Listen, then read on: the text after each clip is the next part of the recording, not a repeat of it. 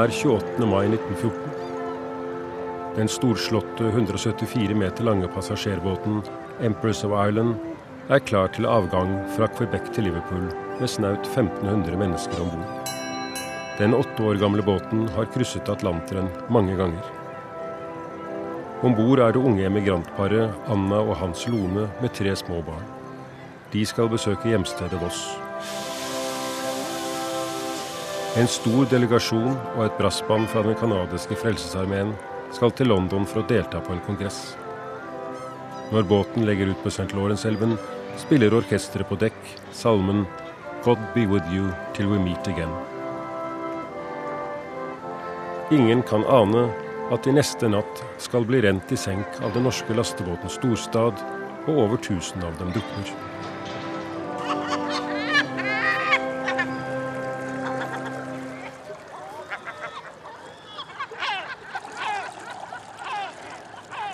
Good ship, bad ship. Om en glemt skipstragedie med norske syndebukker. Av Kjetil Saugestad.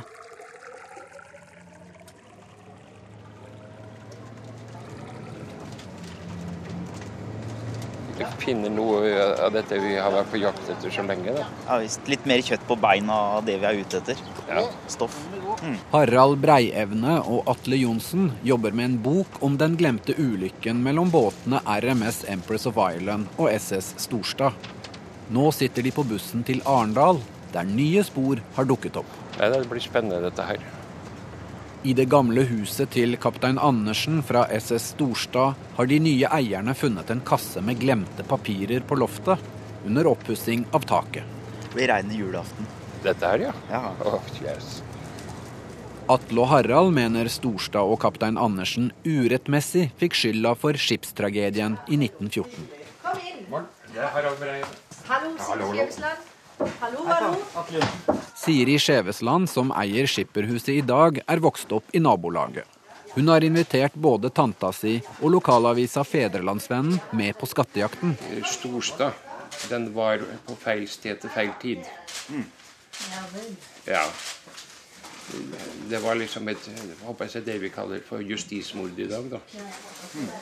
Men det, dere ønsker egentlig å prøve å finne ut om Ja, det, det, det jeg ønsker å gjøre med det, er prøve å, å, liksom, å, å finne ut om uh, sannheten om uh, forliset og det som skjedde i etterkant. Du er historiker, du. Idéhistoriker.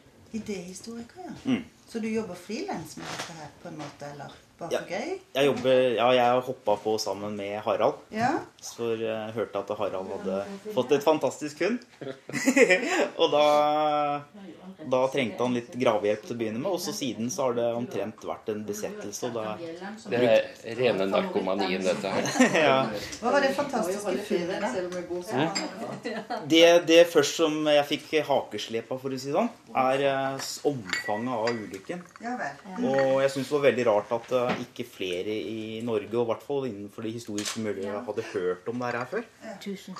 Men, men når du tenker på Titanic, hvordan den Den har jeg jo hørt om fra jeg var jentunge. Men aldri hørt om Storta. Ulykken. Det staselige hvite sørlandshuset ligger ved innseilingen til Arendal. I stua er papirene etter kaptein Andersen samlet i ei gammal margarinkasse. Her er det i hvert fall noe SS Storstad av Ja, det er den der kontoboka. Kostholdsoppgjør. Kostholdsoppgjør, ja. Ja, det er spennende. Virkelig. Det var derfor jeg hadde inn i det. Derfor bare kikke på hva som er Men det, er jo lå spennende dette her, da. Skal dere ha det med dere? Ja. Oi, det har vært Uh. ja. Vi må jo ta, gå, gå gjennom det på en skikkelig måte og, og se hva dette er for noe.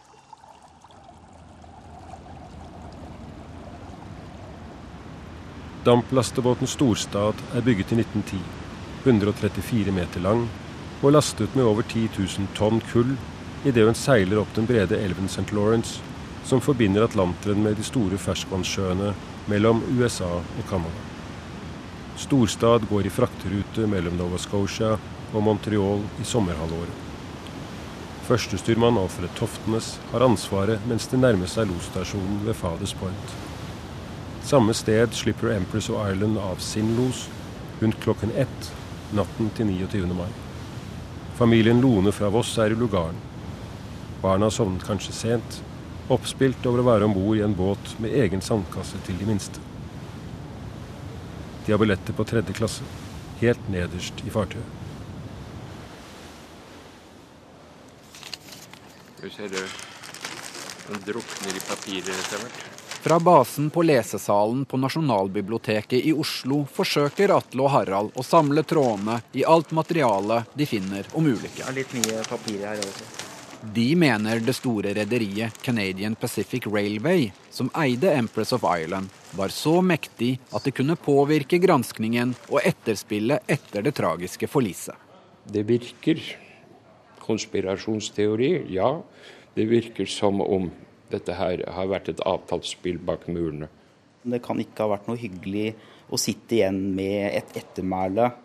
At du har faktisk vært skyld i at 1012 stykker eh, omkom i et forlis. For det første så har de jo blitt beskyldt for noe som eh, vi mener da er fullstendig usannsynlig. Ut fra de dokumenter vi sitter på. Og for det andre så er jo dette her eh, Davids kamp mot Goliat. Det som fascinerer meg også med historien, er eh, at den er så ukjent i Norge. Eh, det at 1012 stykker har forlist i en ulykke som en norsk båt var involvert i, det er jo svære greier. Og da, da lurer jeg på hvorfor har jeg aldri hørt om det før? Det er vel fordi at den druknet i første verdenskrig. Det er nok litt av forklaringa, at første verdenskrig kom såpass kjapt på. Det. det er vel noe at Vi får ikke Titanic-effekten ut av denne historien, for dette her skjedde innunder land. Det har ikke vært mange konspirasjonsteorier rundt båten. og det liksom Like etter båten gikk ned, så var det allerede froskemenn som var nede og skulle ta ut det som var verdifullt om bord på båten. da.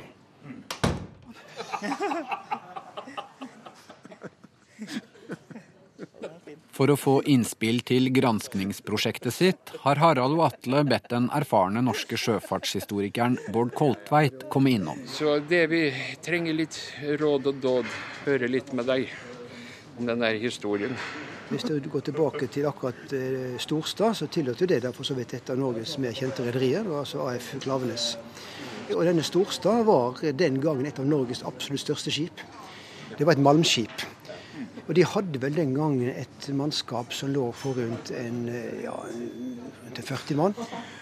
Hvorfor har det aldri vært noen her i Norge som har grepet fatt i Er det fordi den var glemt under krig, etter krigen? Hadde det vært en norsk båt, så hadde det vært en norsk skip som forliste, så hadde det vært noe annet.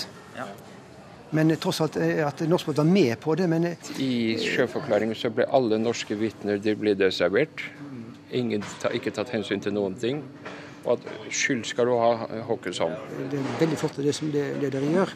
Men, altså det, eh, men, men liksom, poenget, da, da, må ikke dere heller da gå hen og ha en fasit før dere egentlig har kommet fram til spørsmålene. Mm.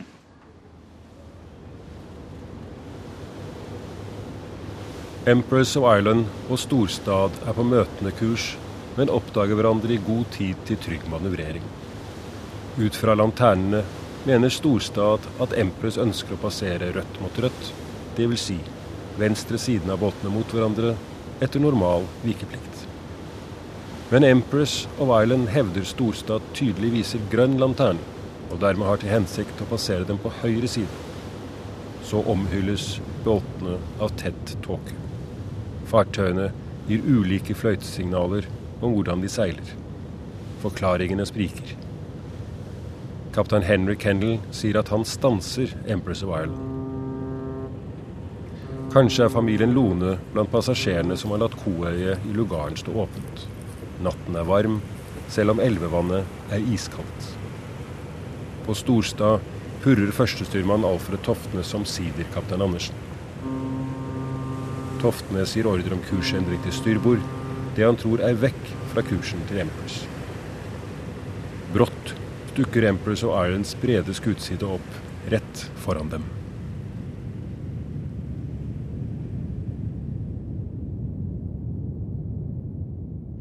Her er en forklaring. Jeg vet ikke om dere har sett den. I Oslo fortsetter detektivarbeidet. Og så har jeg min, en forklaring fra min bestefar på den. hvis jeg bare finner den. Kassa fra skipperloftet i Arendal ga nye ledetråder. Men så har de fått vite at resten av kaptein Andersens etterlatte papirer er tatt vare på av barnebarnet. Min bestefar han, han dro jo ut som dekksgutt på, på seilskute Ja. da han var 15 år. Og han ble kaptein da han var 23. Da var han landets yngste kaptein. Iallfall i utenriksfart. Han mente at de ikke var skyld i ulykken. At det andre, at Empress Oiling hadde skylden. På den måten de hadde navigert på. Så det, det, det, det er veldig mange løse tråder som vi prøver liksom å trekke sammen for å kunne bevise det at uh, Storstad ikke hadde den skyld som den ble ilagt moralsk. da. De var sterkt preget av det, og, og liksom De følte at det var urett. Og jeg er glad for den vinklingen som dere legger opp til. Ja. For det, det føler jeg er riktig. Ja. Så det syns jeg ser veldig bra ut, så jeg er spent på fortsettelsen.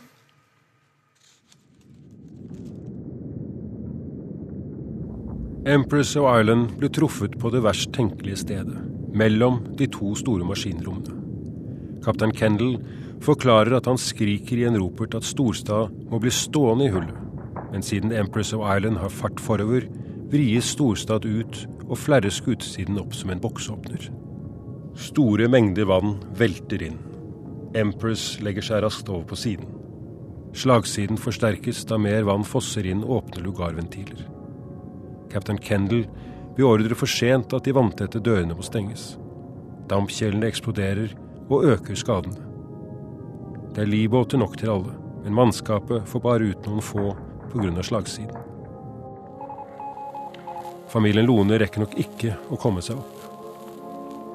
Hele det store fartøyet synker på kun 14 minutter.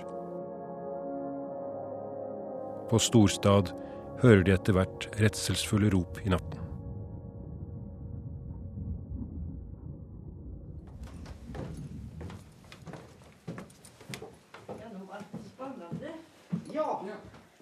Nei, dere får bare slå dere ned før jeg gjør det.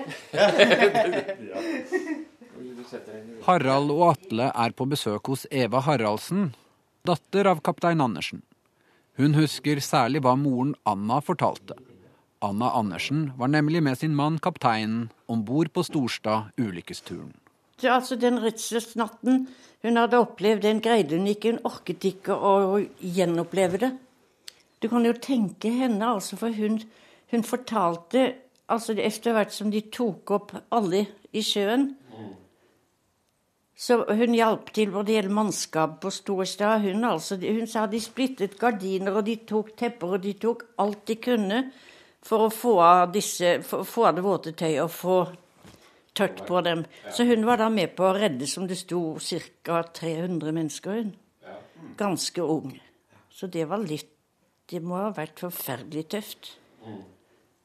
Moren min fortalte, og det har jeg jo også sagt, at uh, han uh, Captain Kendal, han, han kom jo også om bord til faren min. You sunk my ship, captain, sa han. Ja.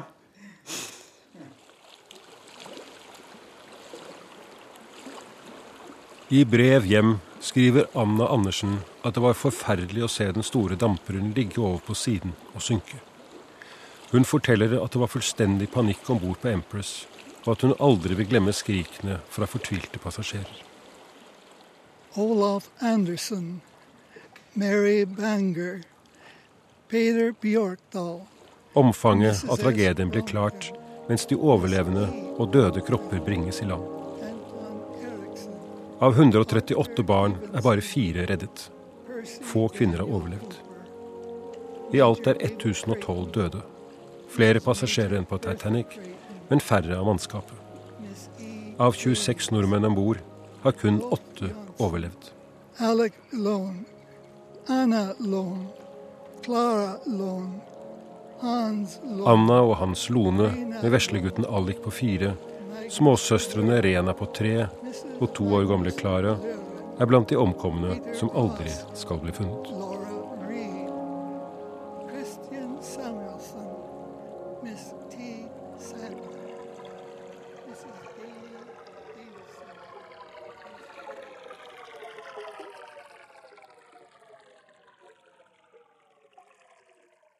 Det var rene lynsjestemningen der pga. alle de menneskene som var druknet. Ja, for det husker jeg moren min fortalte måtte ha politibeskyttelse. Jeg skjønner jo det, altså. Tenk på alle de menneskene som druknet. Men det var ikke kaptein Andersen som hadde ansvaret på brua da Storstad rente i senk Empress of Island. Førstestyrmann Alfred Toftenes ble utpekt som den store syndebukken, og fikk kritikk for ikke å ha vekket kapteinen før det var for sent. I familien altså, har liksom dette blitt fortalt nærmest som en litt sånn eventyrhistorie. Terje Toftenes er etterkommer av førstestyrmannen. Altså Når du dundrer inn i et annet skip på den måten der, så er det jo for det første et vanvittig sjokk. Og for det andre så har vel de fleste mennesker til en følelse av at uh, hva har jeg gjort galt nå, ikke sant? Han følte seg på en måte urettferdig behandlet, fordi uh, han mente selv han hadde gjort det riktige i den situasjonen. Så det var nok noe som preget han veldig, at han følte seg veldig urettferdig behandlet på toppen av det hele. Så kan man bare ja, tenke seg hva, hva, slags tanker som uh, surra rundt i hodet hans i eh, dagene og månedene og årene etter det der. Det, det tror jeg eh, ja, det vil prege et menneske så sterkt at det, det må være ganske tungt å leve med.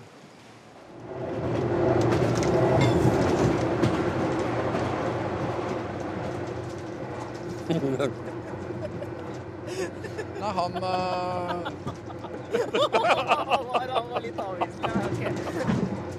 Harald og Atle er på toget til Rymoski, en by i hjertet av den franske delen av Canada. Nær der Empress of Island sank. Planen er å komme nærmere det som skjedde for 100 år siden. Vi håper jo på et gullfunn. Ja.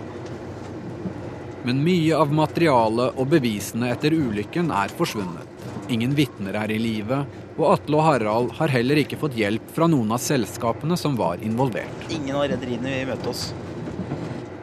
Regnskapsboka fra loftet i Arendal viser at Storstad gikk tilbake til normal drift da den var reparert, med samme mannskap og samme fraktoppdrag. AF Klavenes hadde da i praksis først betalt inn tilsvarende båtens verdi som depositum for kommende erstatningskrav. Kanadisk presse var harde mot den norske siden. En aviskarikatur viste en dødning med sydvest til Rouge på Storstad. Barnebarnet til kaptein Andersen er også blitt med på ekspedisjonen og lurer på om folk her fremdeles legger skylda på hans bestefar og mannskapet. Ja, Det skal bli spennende å se hvordan de ser det fra denne siden. Behold the RMS Empress of Ireland, pride of the Canadian Pacific. Was the last photograph I took of that magnificent vessel. That was yesterday, May 28, 1914. Ved fyret på Faders Point, der den gamle losstasjonen lå, like utenfor Rimouski, er det bygget et museum viet til forliset. Uh,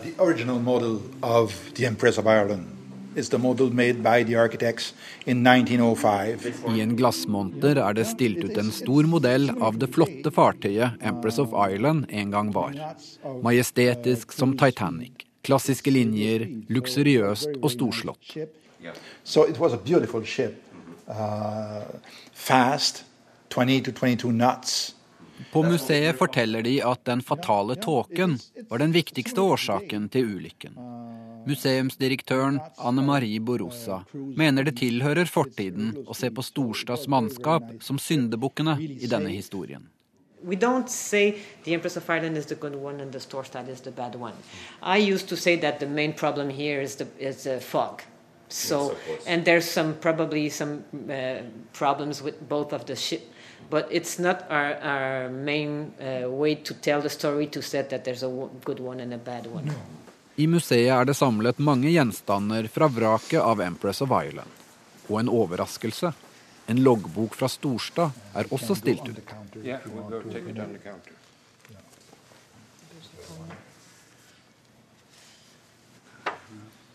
Dagbok for Storstad av Kristiania.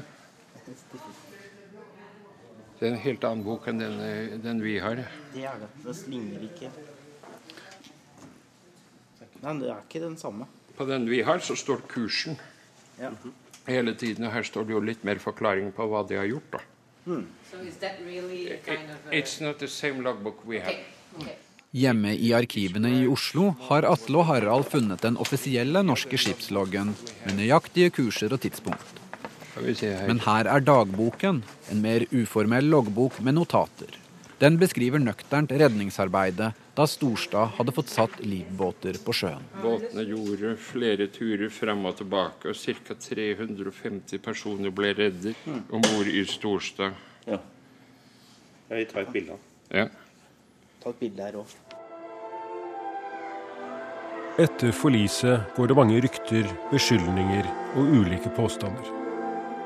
Det er uforståelig at et så stort fartøy som Empress of Ireland synker på kun 14 minutter i rolig innenlandsfarvann og tar så mange med i døden. Ankeret i baugen på Storstad var det som traff Empress of Ireland først. På ankeret finner man blod fra passasjerer som var blitt knust. Et skilt merket Lugar 328 blir funnet på dekket av Storstad og viser at baugen må ha trengt minst syv fot inn i skroget. Det er raskt klart at kaptein Andersen og kaptein Kendal holder fast på helt motstridende forklaringer. Begge rederiene fastholder at deres båt ikke har skyld i ulykken, og fremmer krav om skadeerstatning fra den andre parten.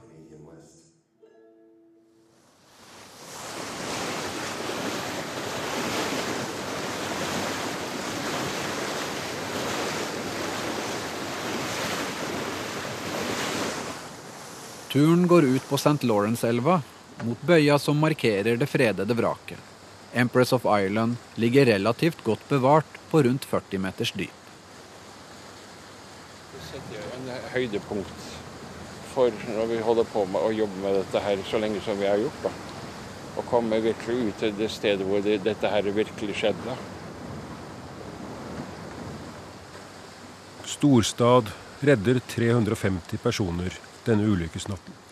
Men dette får liten oppmerksomhet siden nordmennene holdes ansvarlig for ulykken. Losbåten Eureka er fremme ved ulykkesstedet først en time etter forliset. Ytterligere drøyt 100 personer reddes av andre fartøyer. Av båtene på elven er det kun Empress of Ireland som har radioutstyr. Telegrafisten, Ronald Ferguson, får heltestatus for å ha sendt SOS-signal til land stående på veggen mens båten ligger helt over på siden og synker raskt. Det må huske på at selv om det gikk mange med, for de fleste gikk jo med, så var det også mange som ble reddet, faktisk. Så det må jo ha vært en, litt av, en, av et hjelpearbeid også, å få tak i så mange på så kort tid. Hadde det ikke vært for storstøv, så hadde jo alle gått med. Og de hev jo seg ute mer i livbåter, og de rodde jo til blodet rant av hendene på det. Og det sier jo veldig at sjømannsinnsatsen har jo vært enorm nå. Brått er hun der. På sonaren vises de en gang stolte linjer av en atlanterhavskrysser. Ja, jeg fikk bilde. Jeg har tatt bilde av Empress of Island på sonaren. Nice. Ser, ser det noenlunde brukbart ut, eller? Ja, jeg tror det. Ikke verst. Du ser konturen ganske godt. Jeg ser Empress of Island der. Det er stort. Dykkere ser fremdeles ofte levninger av omkomne. Mange ble aldri funnet og har sin grav i vraket, som hele familien Lone fra Voss. Det er rart å tenke på at under her så ligger det da, er det da en kirkegård for flere hundre mennesker.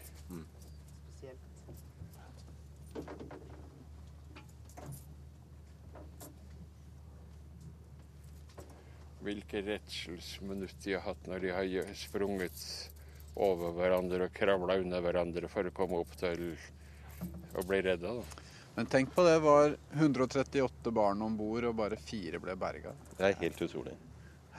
Det er helt utrolig.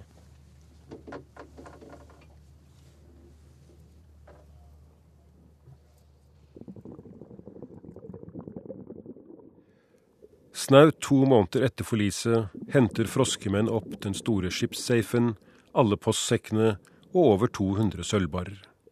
Hundrevis av lik berges også ut av vraket. Samtidig leverer den canadiske granskningskommisjonen sin rapport, ledet av lord Mercy, som to år tidligere var ansvarlig for sjøforklaringen etter Titanic. Storstads mannskap hevder den andre båten brøt vikeplikten og skiftet til en kryssende kurs. Førstestyrmann Toftnes innrømmer å ha beordret kursendring rett før kollisjonen, men mener at båten ikke rakk å reagere. Fra Empress og Islands side mener man Storstad skiftet kurs og holdt høy fart. Tross påstand mot påstand og veldig uklare omstendigheter peker likevel lord Mercy på førstestyrmann Alfred Toftnes som den som har mest skyld i tragedien.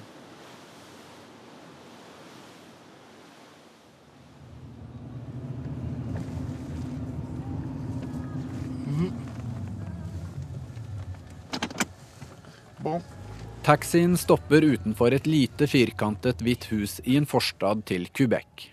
Her bor David St. Pierre, en historiker som har jobbet med Empress of Island-ulykken i over 15 år. David synes det er fantastisk å få besøk av barnebarnet til kaptein Andersen.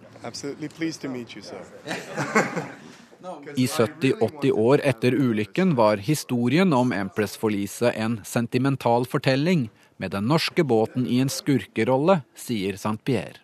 Uh, more associated with the Storstad being the bad ship and the Empress being the good ship. Han mener den canadiske sjøforklaringen var noe partisk. Vitner i favør den norske siden slapp ikke til, og spørsmålene til Storstads mannskap var kanskje mer kritiske enn til den andre siden. But, it, but that uh, many important questions were not asked, that many important testimonies were rejected, and um, it seems that there's some kind of pattern that all of these rejected testimonies and um, questions that were not asked um, go towards uh, blaming the Storstad and exonerating the Empress of Ireland.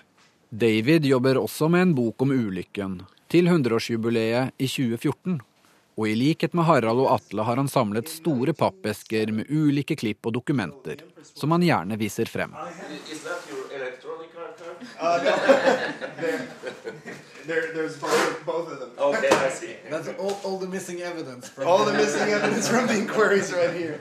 Um, no, but I, I found in um, Glasgow where the Empress was built. David er spent på hva Atle og Harald har funnet. Han har aldri sett Storstads hovedloggbok eller den norske sjøforklaringen. We don't know where it is. In our possession in Oslo. It's in Oslo. Yeah. Oh, okay. I didn't know. That's new information Yeah, for me. we had, we found it uh, about uh, half a year ago. Okay. Etter den store Hollywood-suksessen Titanic fra 1997 blomstret interessen for forliset opp igjen. Because here in Quebec, people started saying, well, we have our own Titanic right here. Og nå med en kritisk gjennomgang av den offisielle canadiske historien. And um, many historians started getting into the research of the Empress, trying to find out, well, what exactly happened that night? Is it really the version that we've been hearing that the Storstad was to blame and everything? If if the question is asked as who is to blame, I couldn't answer uh, uh, very clearly. There probably has been mistakes on both ships, and it's an accident. But I certainly wouldn't put all the blame on the Storstad as it has been done for many years. David mener det nærmest man kommer sannheten, er at det var to fartøy som begge forsøkte å unngå kollisjon, at feil ble begått på begge sider, men at dette først og fremst er en tragisk kjede av uheldige omstendigheter. There's been a tendency now to put all the blame on the Empress, which is not better in my uh, opinion. Flere gjennomganger de senere årene har til og med konkludert med at Empress of Island hadde det meste av skylden. Det blir også galt, mener David. Uh, because as I said, I think both ships were to some extent to blame. Nyheten om tragedien i St. Lawrence-elven går verden rundt. Storstad får mye støtte i norsk presse, og en egen norsk granskning konkluderer med at Empress of Ireland må lastes for ulykken, siden den ikke overholdt normal vikeplikt. Familien Lones lokalavis på Voss omtaler forliset alt dagen etter. Avisen Hordaland skriver at Storstad hadde gjort sitt beste for å berge folk, men var selv skadet. Noen dager senere gjengir avisen dramatiske vitnesbyrd om at passasjerer på Empress of Ireland oppførte seg som dyr under panikken. Det hevdes at folk brukte kniv for å komme seg frem i kaoset, og at mange døde av slike skader. Lørdag 13.6 bekreftes det at Anna og Hans Lone fra Voss med sine tre små barn er blant de omkomne. Avisen skriver at de skulle på besøk til hjembygda, men så ville skjebnen at de skulle ende sine liv på en så fryktelig måte. Facts documented on new equipment, new systems, so that wouldn't, uh, it wouldn't be the David St. Pierre har tatt oss med på havna i Quebec, der Empress of Island en gang kastet loss for aller siste gang. Ved siden av skyldspørsmålet har det store temaet vært hvordan Empress kunne gå ned på kun 14 minutter, når Titanic brukte over to og en halv time på å synke. And it was rammed by the Storstad at the very worst place in its structure where it could be rammed. Etter instruksen skulle de vanntette dørene stenges umiddelbart ved tåke. Nå ble de beordret lukket først etter kollisjonen. I tillegg veltet vann inn de mange koøynene som sto åpne i passasjerlugarene. Sammen med størrelsen på hullet i skutesida gjorde dette at alt skjedde så fort.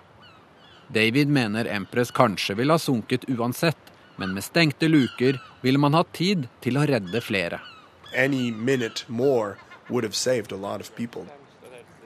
Oppe i åssiden ruver det enorme teglsteinshotellet Chateau Frontenac, bygget i fransk slottsstil med høye tårn. En gang eiet av Canadian Pacific Railway, vis-à-vis lokalene der den canadiske sjøforklaringen ble gjennomført. David viser frem en brosjyre fra 1914 der det mektige rederiet har lakket over navnet til Empress of Island. Det virker som om selskapet har ønsket å slette båten fra sin historie. And then after the summer of 1914, they wanted to forget about it. And um, what we see in the Canadian Pacific archives and the, um, the uh, gestures that were made after the sinking is that the Canadian Pacific Railway is trying to uh, um, erase the Empress of Ireland out of their corporate history. Let's put it like this. Yeah, exactly. So Start with him. start with him. Yeah. Okay. Yes. So maybe just tell me your name and, and how you're connected to the story. Okay, uh, my name is Atle Johnsen. Kanadisk radio og TV vil ha intervjuer om den nye norske interessen for ulykken. David St. Pierre mener historien lenge har manglet den norske siden av saken. I think one of the most important pieces missing to this story uh, has just been found uh, with the Norwegian side of this. Uh, I had been researching the Empress for 15 years, and all this time I was hoping that someday people in Norway or uh, elsewhere but would go to Norway to find the Norwegian side of the story. And now it's been done, and I think it's a major breakthrough.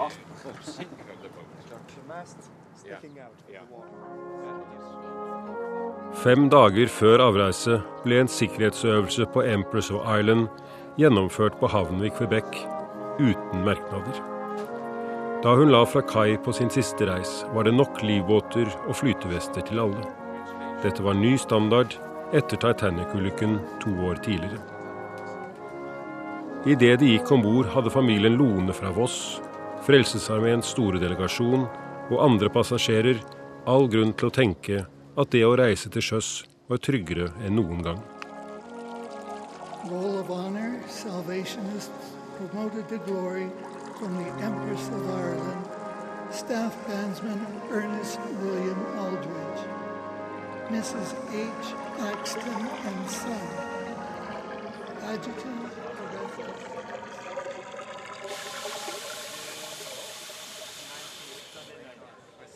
Please be seated.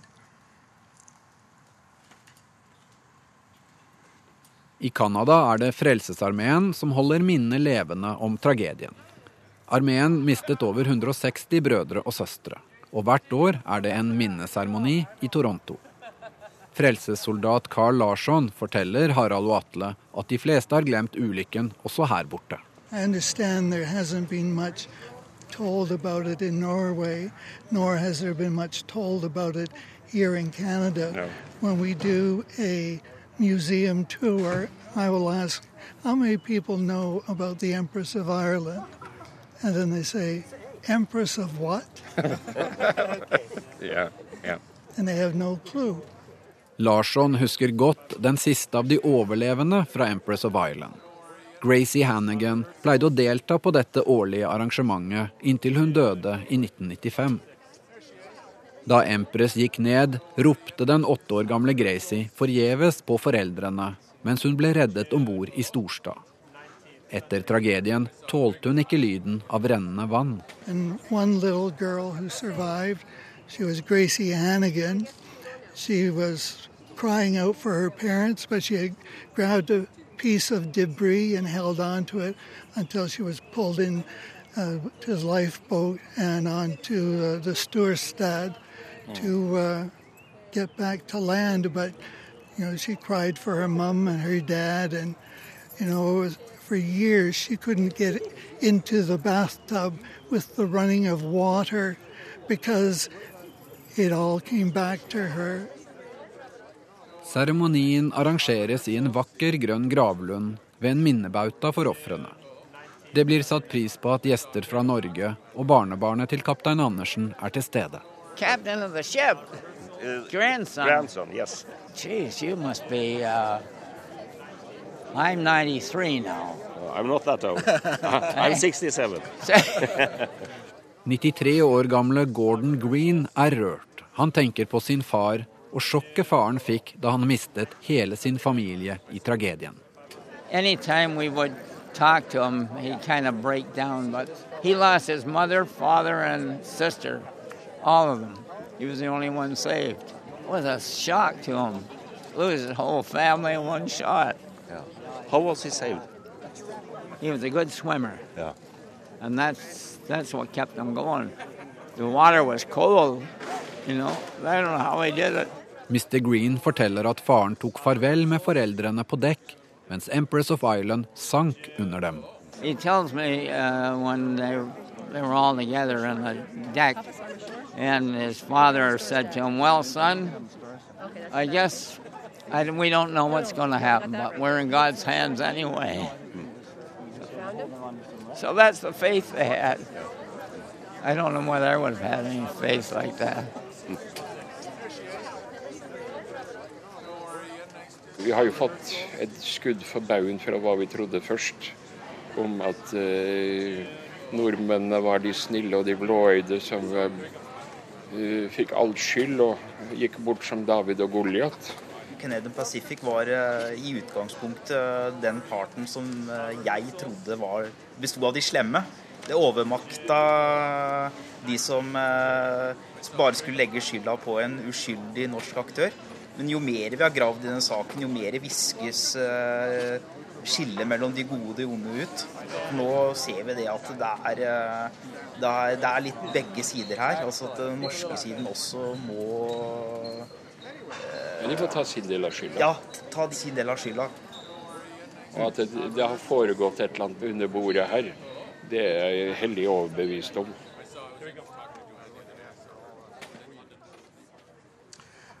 Uh, the Empress of Ireland departed Quebec City for Liverpool at 4:30 p.m. local time on the 28th of May, 1914, with nearly 1,500 passengers and crew. It was a beautiful, sunny day. Nothing to suggest that tragedy was just around the corner. I'm told that as the ship was leaving, the staff band were playing God Be With You till we meet again. Did it cross anyone's mind that for some it would be a long, long, long time before they met again?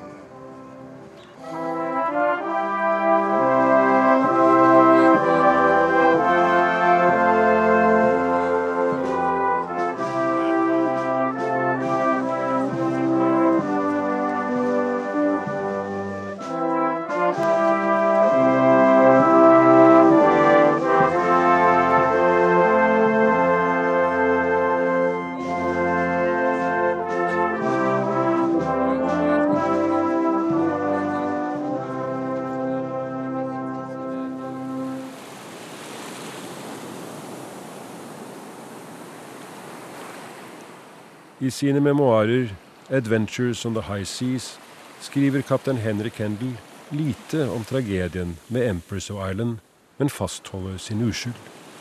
Sivert, bror av Hans Lone, håper resten av livet at de tre barna mirakuløst ble reddet og vokste opp uten å huske sine egentlige navn. SS Storstad torpederes av en tysk ubåt under første verdenskrig og synker 8. mars 1917. Kaptein Andersen og mannskapet ror med livbåtene i tre døgn før de berges i Irskesjøen.